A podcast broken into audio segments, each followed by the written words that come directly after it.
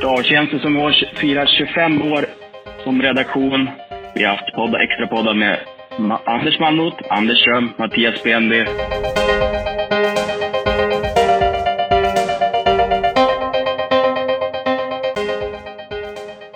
Och nu killen som sluter cirkeln. Välkommen till podden Marcus. Tack mycket. Marcus Lindgren. Hur är läget Elitloppsveckan till äran? Jo, det är bra. Hästarna springer och det är fint väder och på väg till Åby nu och på onsdagen här. Så nej, det är spännande. Ja, kan vi komma överens redan nu att det är bästa helgen på året som väntar? Ja. Helt klart. Många som är nya i travbåten känner igen dig som travtränare Marcus Lindgren och framförallt kanske tv-expert Marcus Lindgren. Men vi ska dra tillbaka det några år i tiden och ja, du började som eh, travexpert på Guiden om jag inte minns fel. Och sen kom du till Travtjänsten som en av de första anställda. Stämmer det? Ja, däremellan så var jag på någonting som hette Stalltipset tillsammans med legender som Diamond och eh, Timo och Ögat. Det var när jag var ungefär din ålder. eh, Jag var väl en 20-21 år när jag började jobba där på heltid. Och sen, sen slog jag och Anders Ström våra påsar ihop 96. Så att eh, jag var en av de första anställda. Det fanns, eh, bolaget hade ju funnits innan, så det fanns ju några anställda tidigare. Jajamän. Vad var din eh, roll när du jobbade på Travtjänsten?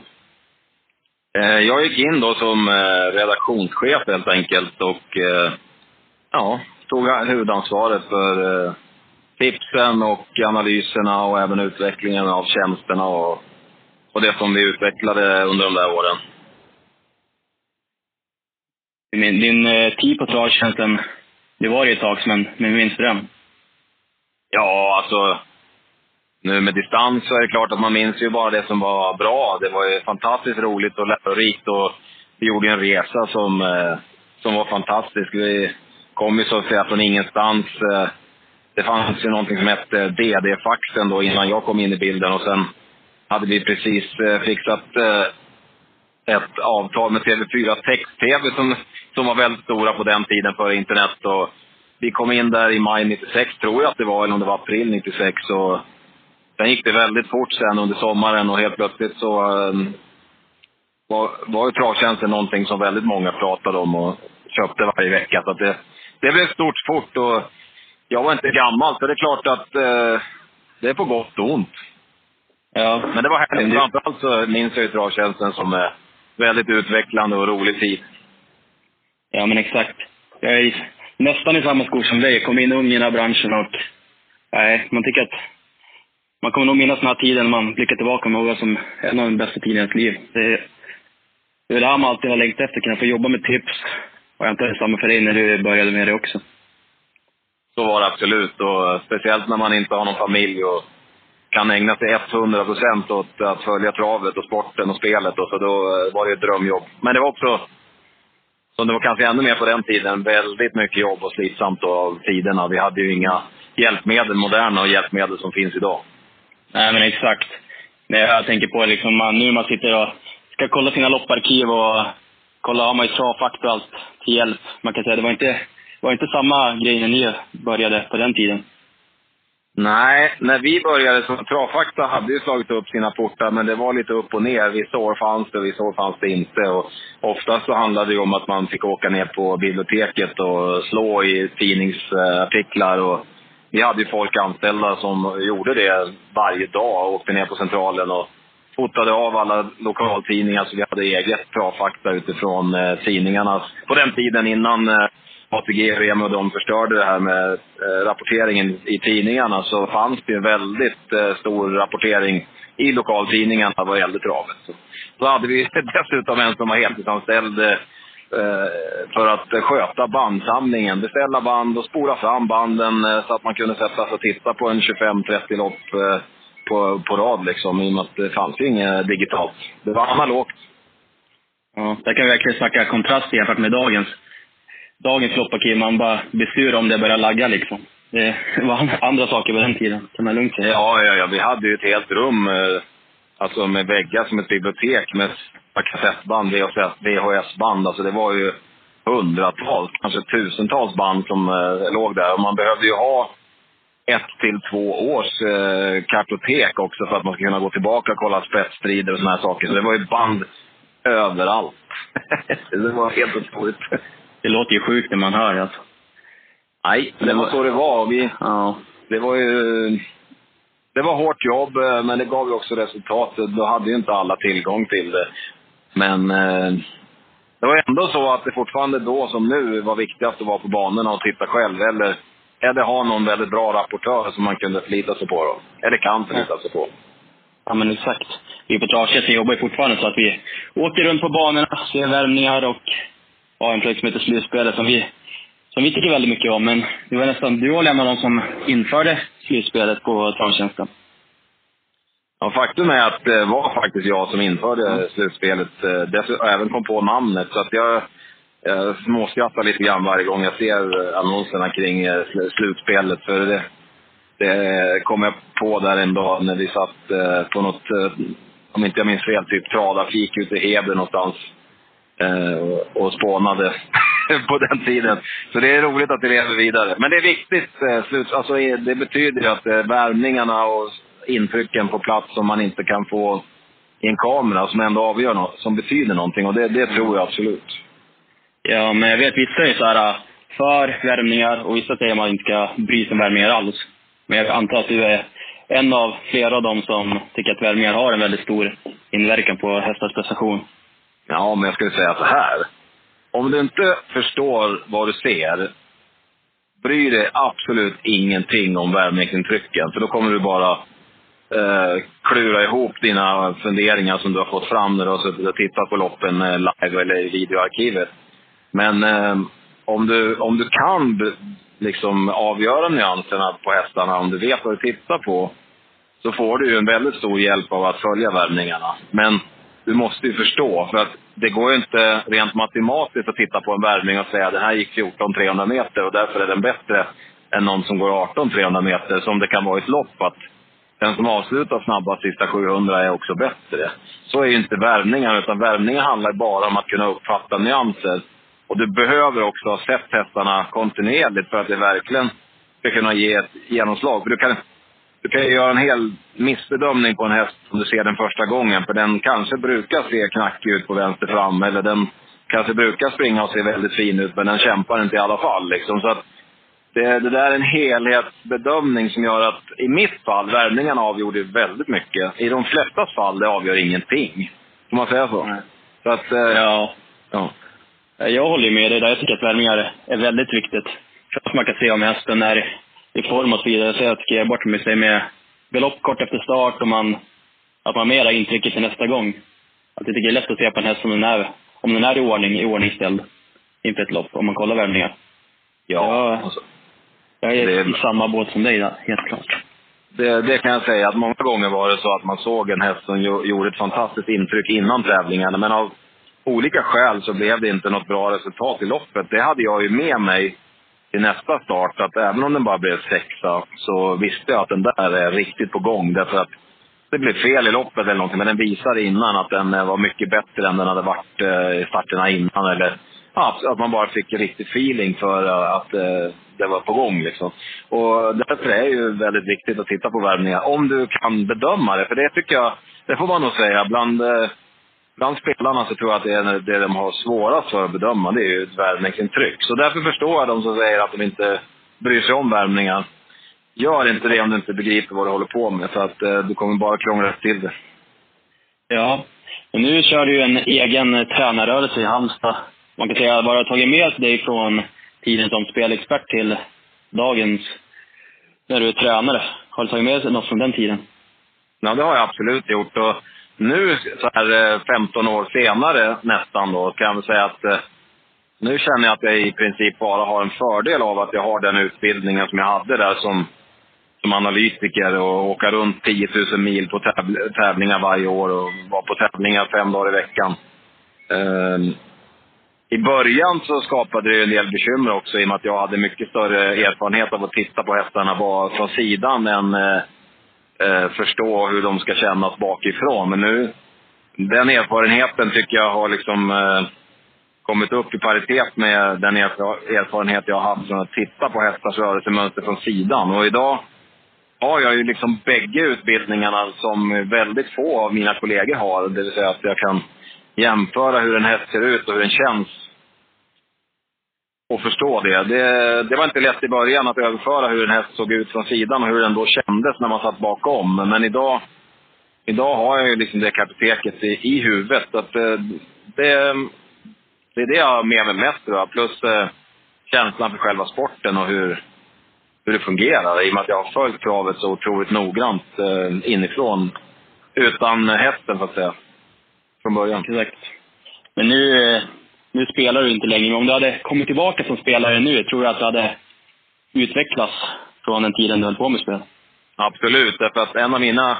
Varför det gick så pass bra som det gjorde för mig, det var ju att jag var eh, lite grann av eh, en mix av eh, väldigt bra på den matematiska delen av spelet och även då den sportsliga och feeling-biten kring hästarna och hur en häst fungerar och hur, hur, man, måste fundera, hur man måste tänka på hur, eh, vad det innebär med olika saker. Med att det är varmt i luften och de ska åka 40 mil och etc. etc. Vad innebär det för hästarna och så. Idag så har jag ju lärt mig mycket mer om vad hästarna de facto gör och hur de fungerar. Så att eh, den biten har ju förstärkt ytterligare. Och när det gäller speltekniken så klart att där har jag inte varit aktiv överhuvudtaget då sedan 2004. Så det är klart att jag har säkert tappat någonting, men eh, det tror jag nog att jag eh, snabbt skulle komma igång med. Så jag tror att, att jag skulle bli ännu svårare att slå idag, om jag höll på med det. Ja, men när du jobbar som analytiker, då var väl väldigt lite snack om barfota, bike, allt möjligt. I dagens läge så är det nästan blivit en materialsport av det hela. Tycker att det har stor påverkan på hästens prestation som spelare tror? Om man tittar från ett tränarperspektiv. Ja, alltså på vår tid, om vi börjar där, så när jag började med timer på stalltipset eh, 2000, eh, nej 94, så började, Diamond var en av de första som höll på att tjata om barfota och hade förstått eh, vad det innebar när man ryckte skorna och vad det kunde betyda. Och det måste jag hålla med om, att det är klart att en häst som går optimalt balanserad, det vill säga utan vikt, om den Eh, eh, fungerar rent eh, tekniskt på det sättet så kommer den ju att ha en högre kapacitet än den som måste dra runt på vikt. Men, men det är för mycket fokus på det idag givetvis. att eh, det handlar ändå om en tekniksport och det handlar om att eh, eh, det är inte lika för alla. Jag har till exempel hästar som fungerar mycket bättre med skor och sulor som väger 300 gram än att de går barfota. Eh, och kan kännas dessutom, bak, när man sitter bakom, kan de kännas som att de är lättare.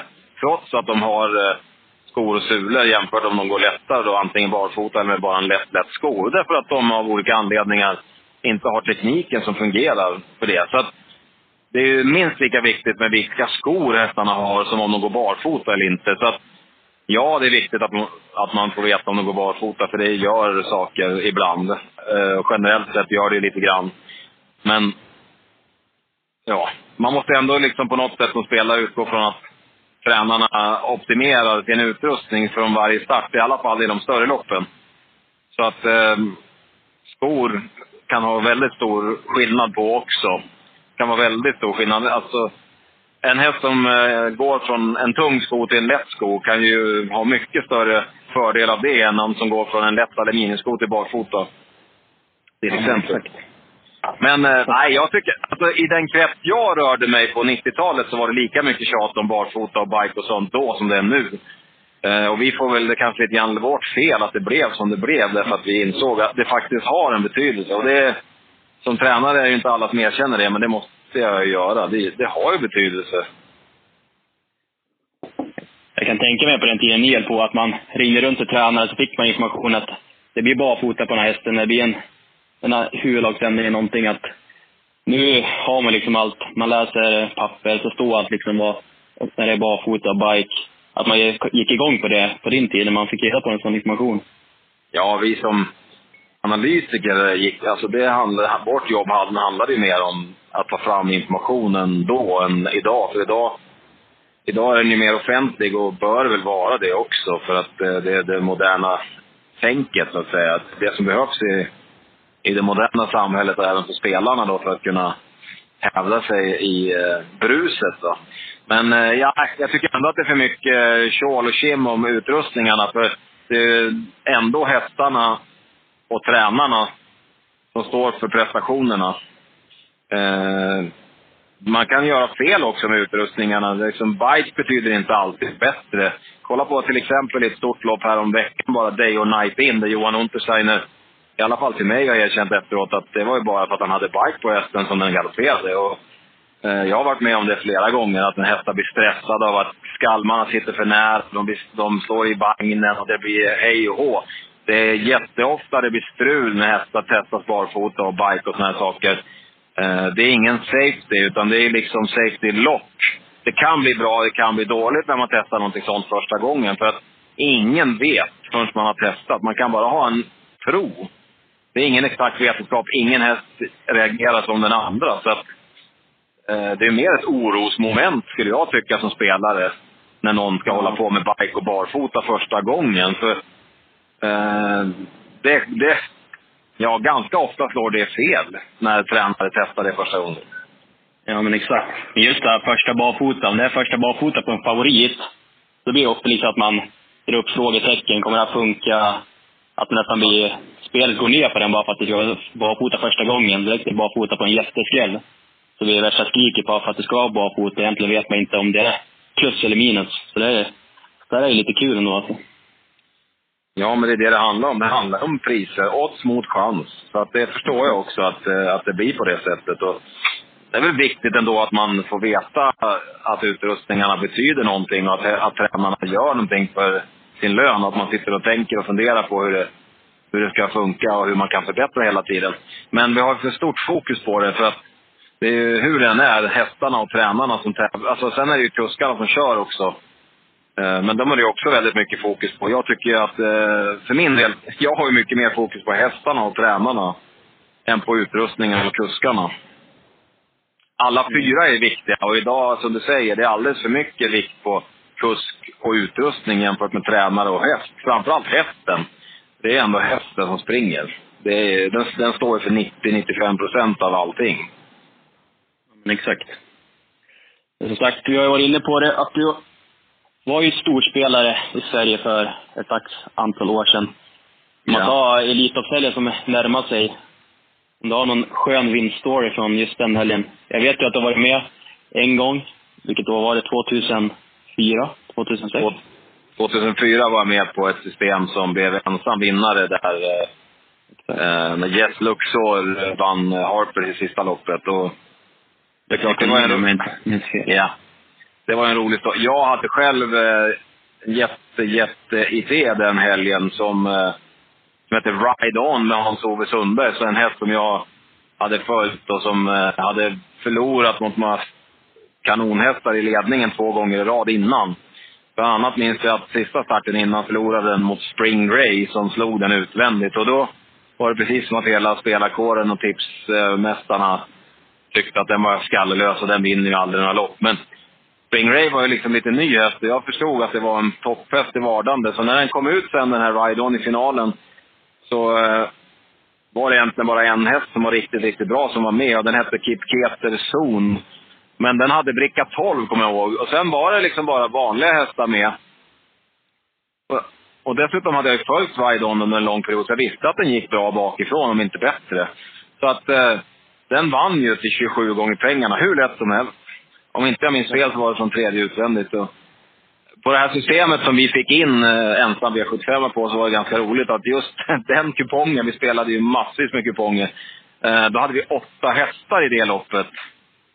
Eh, för att det var en lapp som vi spikade, Max Flukt, en favorit som kom ut sent och värmde med nytt huvudlag.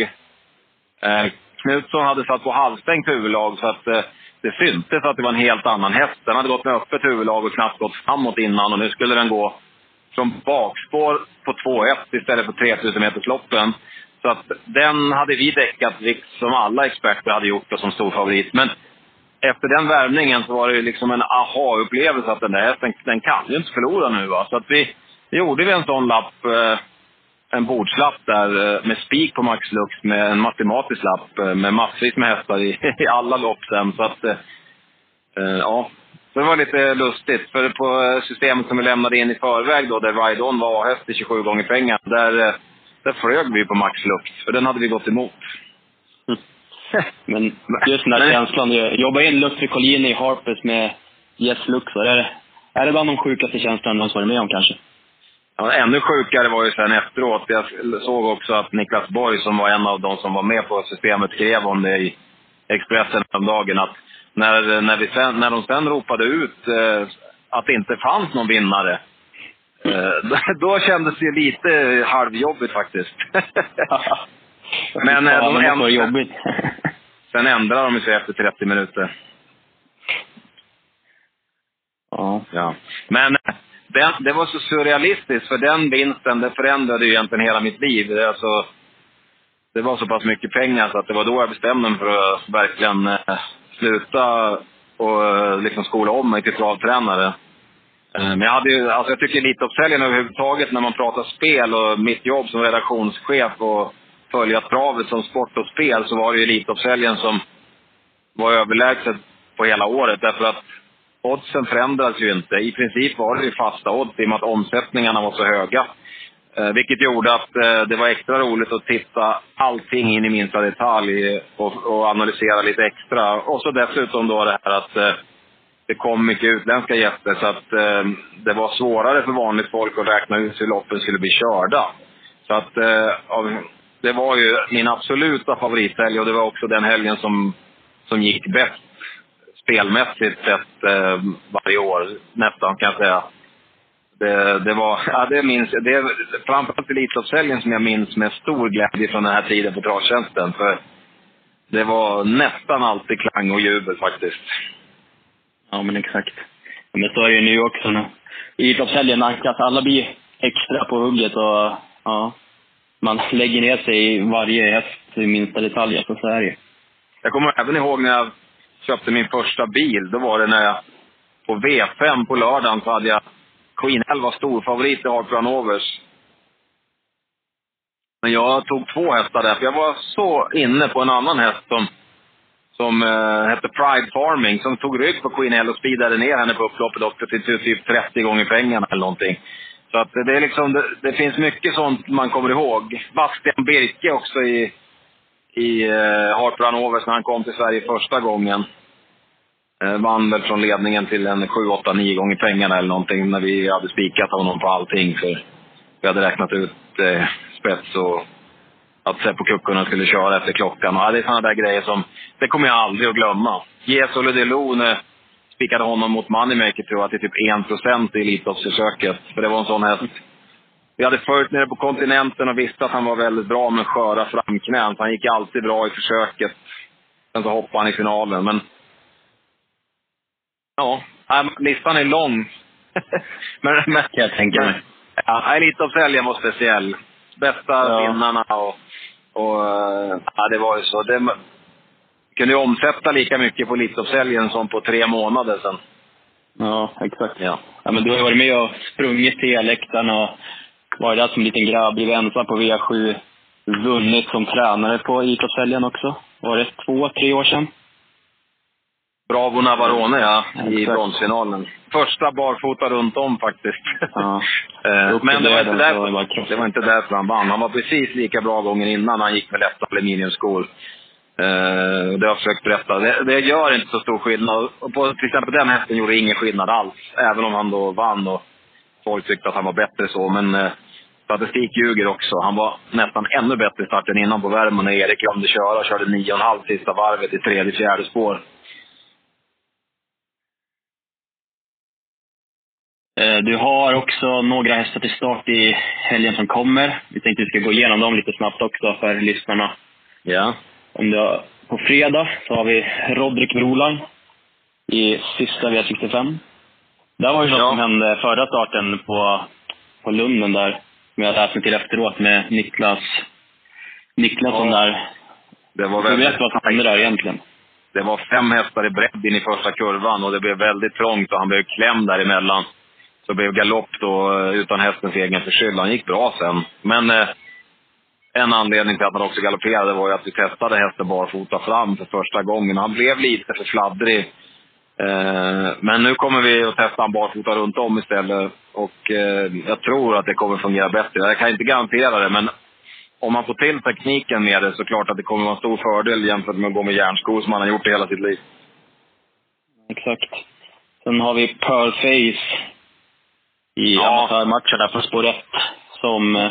Hon kände faktiskt väldigt bra senast. Hon har hittat eh, tillbaka till toppformen. Jag körde medvetet defensivt senast. Men hon kunde inte hamna på, bra på det. Och helt meningslöst att vara ute och köra 11 sista varvet i tredje spår med ett gammalt sto liksom och bli fyra, femma. Så jag körde invändigt istället. Hon flög fram på open stretch till, till slut. Så att, eh, som de avslutar eh, senaste loppet brukar de i början nästa. var ju en gyllene regel vi körde med på travtjänsten på min tid. Den håller vi kvar i fortfarande.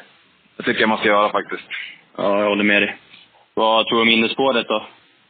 Hon är medelsnabb, men eh, jag tycker inte Lasson ska hålla på och krångla, utan ta det lugnt ett litet fält och så hon kan gå otroligt eh, fort sista 500 om hon, när hon känner sig på topp. Och nu har hon fått eh, fyra lopp i rad när hon har gått till slut. Så jag tror att, jag tror att man kan bevaka henne faktiskt.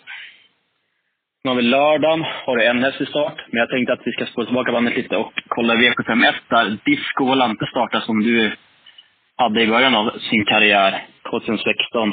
Om jag inte minns ja. helt fel så var han väl obesegrad felfri hos dig? Ja, han gjorde sex starter som treåring hos oss och vann i fyra och hoppade från start två gånger. Då. Han, eh, han hade ju fått ett stort genomslag som treåring om han inte hade fått lunginflammation på sommaren som gjorde att han förlorade tre månader där. Men han vann ju debuten på 15 och 2 fullväg eh, i maj och då satt Johan med spöet under armen. Och hästen hade väl typ 82 i puls efteråt. Och det är en fantastisk häst. Jag har alltid sagt att det är den bästa häst jag har tränat någon gång nu, nu får jag väl låta det vara osagt nu i och med att vi har drivit upp eh, så fina två och treåringar igen nu då. Men, men Volante är åtminstone en av de allra bästa jag någonsin har haft. Jag tror att, eh, att han har kapacitet för att eh, gå upp i världseliten faktiskt. Dessutom så har jag aldrig kört en startsnabbare häst i hela mitt liv. Så jag läste någonstans att de spekulerar i att han skulle förlora ledningen. Det kan de ju glömma i alla fall. Ja, men exakt. Men han är ju lite, han är lite speciell. Jag tänkte när jag öppnade listorna att spår 1, 30 000 på läktaren. Nej. Det är, inte, det är ingen fara för graviditeten och sånt där. Han har sett så stabil ut i år och han har aldrig, även när han var som tossigast, eh, hos oss i alla fall, var det inga problem. Sen så vet jag inte riktigt vad som hände hos Melander där förra våren. Men jag tror inte man ska oroa sig över det, utan han, han, han är stänkrädd. Så, så länge han slipper få en massa stänk på näsan så är han stabil, skulle jag säga. Så att jag, spår 1 är det bästa han kan ha.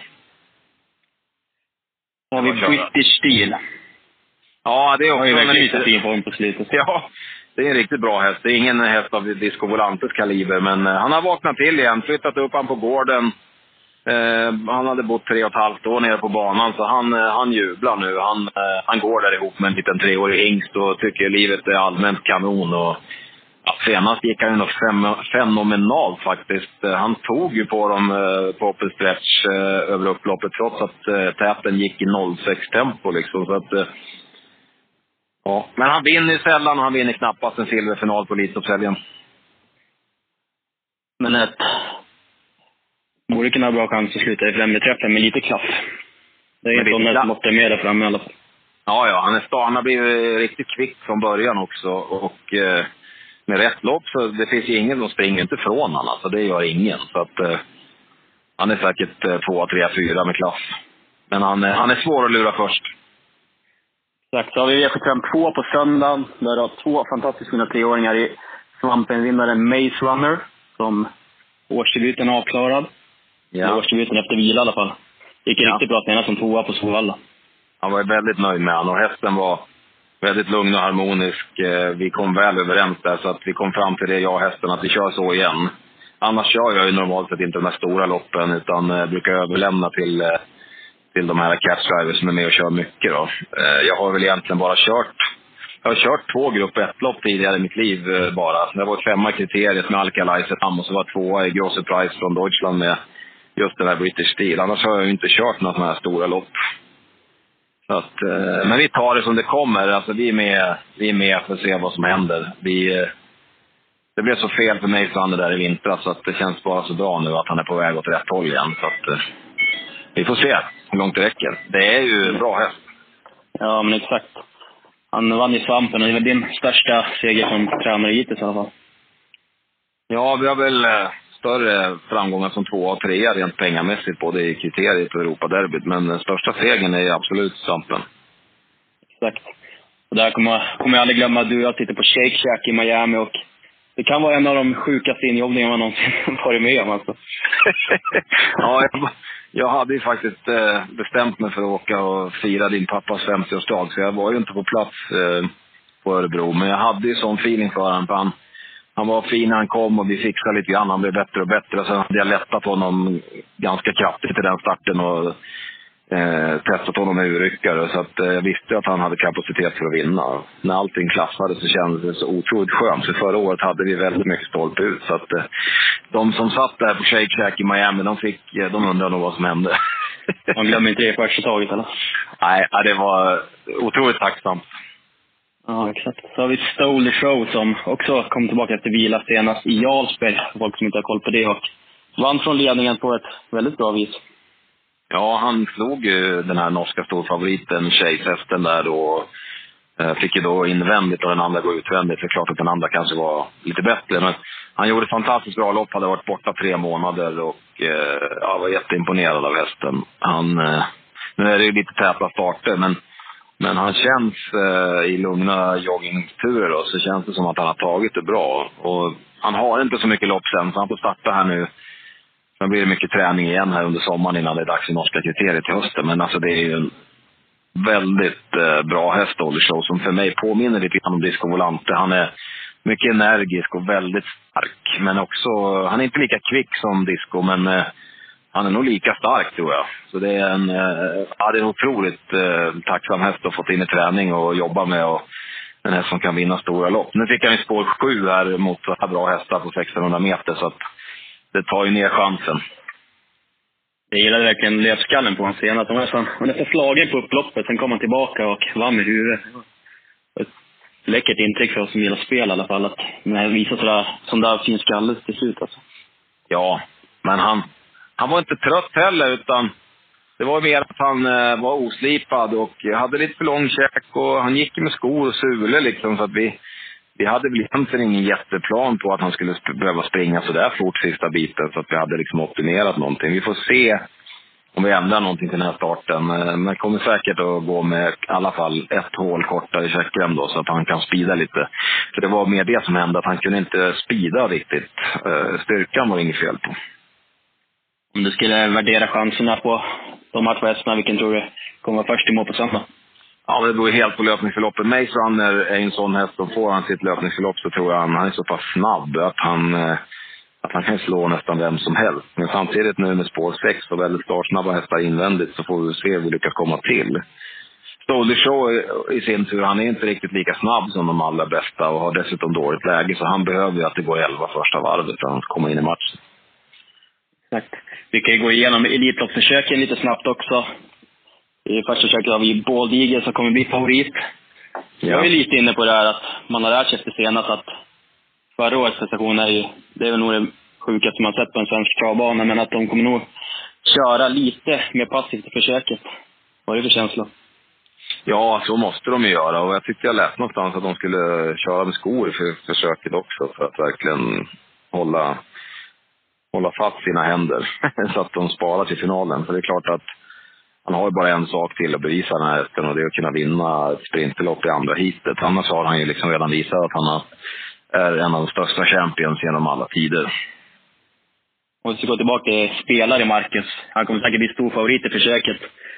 Om man ju tänker på parametrarna att han förmodligen kommer köra lite passivt, att lägga upp det på annorlunda sätt.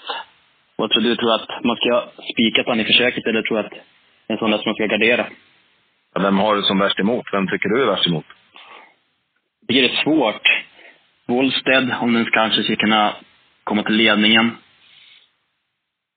Jag tycker Raja Schweiz är svårbedömd. Det är ju spännande att se, men jag har svårt att se att han ska duga mot de här värsta. Jag tycker att andra försöket kändes lite tuffare på förhand kanske. Ja. Med Ringo Starr och Propulsion. Ja, men jag tycker nog Ryers Face kan vara intressant på 1609 meter. Han eh, visar att han har blivit väldigt startsnabb. Som en häst som är så där hetsig som han är så, även om han är stark egentligen, så de behöver vara starka också på 1600 meter för att kunna hålla tempot längre. Så att, eh, jag tycker det ska bli intressant att se Ryers på 1600. Han hade inte räckt mot de andra om det hade varit 2-1 eller längre. Men det är ju, just på 1600 kan det gå. Exakt. Jag läste det här före lottningen att Ludde sa att han skulle köra, köra passivt i försöket, men när han fick spår 2 så tar man väldigt syn på den i alla fall, att han kommer köra passivt. Det ser ut som att man kan inte riktigt alltid bestämma vad man ska göra bakom den hästen. Det, hästen vill nog inte passiv styrning. Risk, eller chansen eller risken, eller vad man säger. Exakt. Sen har vi Elitloppet försök två med Ringo Starr Treb och Propulsion framför allt. Jag är inne på att Ringo Starr Treb kommer ta ledningen och sen att de borde ha bra chans att rinna undan i försöket. Vad tror du? Ja, alltså Propulsion har ett lopp i kroppen och var ju fantastiskt bra senast. Men eh, Ringo Starr Treb är ju väldigt bra också. Eh, inte lätt att slå honom utvändigt. Ja, intrycket i Olympiatravet var ju... Det var inte dåligt alltså. Nej, alltså får jag välja en häst i Elitloppet, om jag måste ta en, så tar jag Ringo Starr Treb som slutsegrare efter eh, hans eh, insatser förra året och årsdebuten. Exakt. Har du någon sån här Elitloppsvinnare på, på minnet som, är, som du tycker är den bästa någonsin? Eh, ja, alltså mitt, mitt första Elitlopp live som jag såg, det var ju Mark Lobel 1988 och det var ju då var ju det någonting som jag tror, alltså jag var ju helt mållös. Jag tror att många med mig då tyckte att det var något vi aldrig hade sett förut. Liksom. Sen eh, är det väldigt svårt att sätta in hästar eh, från gång till gång. Men jag tycker den bästa prestationen jag har sett genom alla tider, det var Bold Eagle i försöket förra året. Eh, det tycker jag. Ja, jag håller helt klart med dig där alltså. Men eh, en grej också som kanske inte alla lyssnare vet om, att var att du började på Umeåker som referent en gång i tiden, när du var i min ålder antar jag? Ja, jag var 16-17 år när jag blev rekryterad av Karina Axroth, som hon hette då, som var referent på Umeåker då, skulle flytta och börja på trav-tv.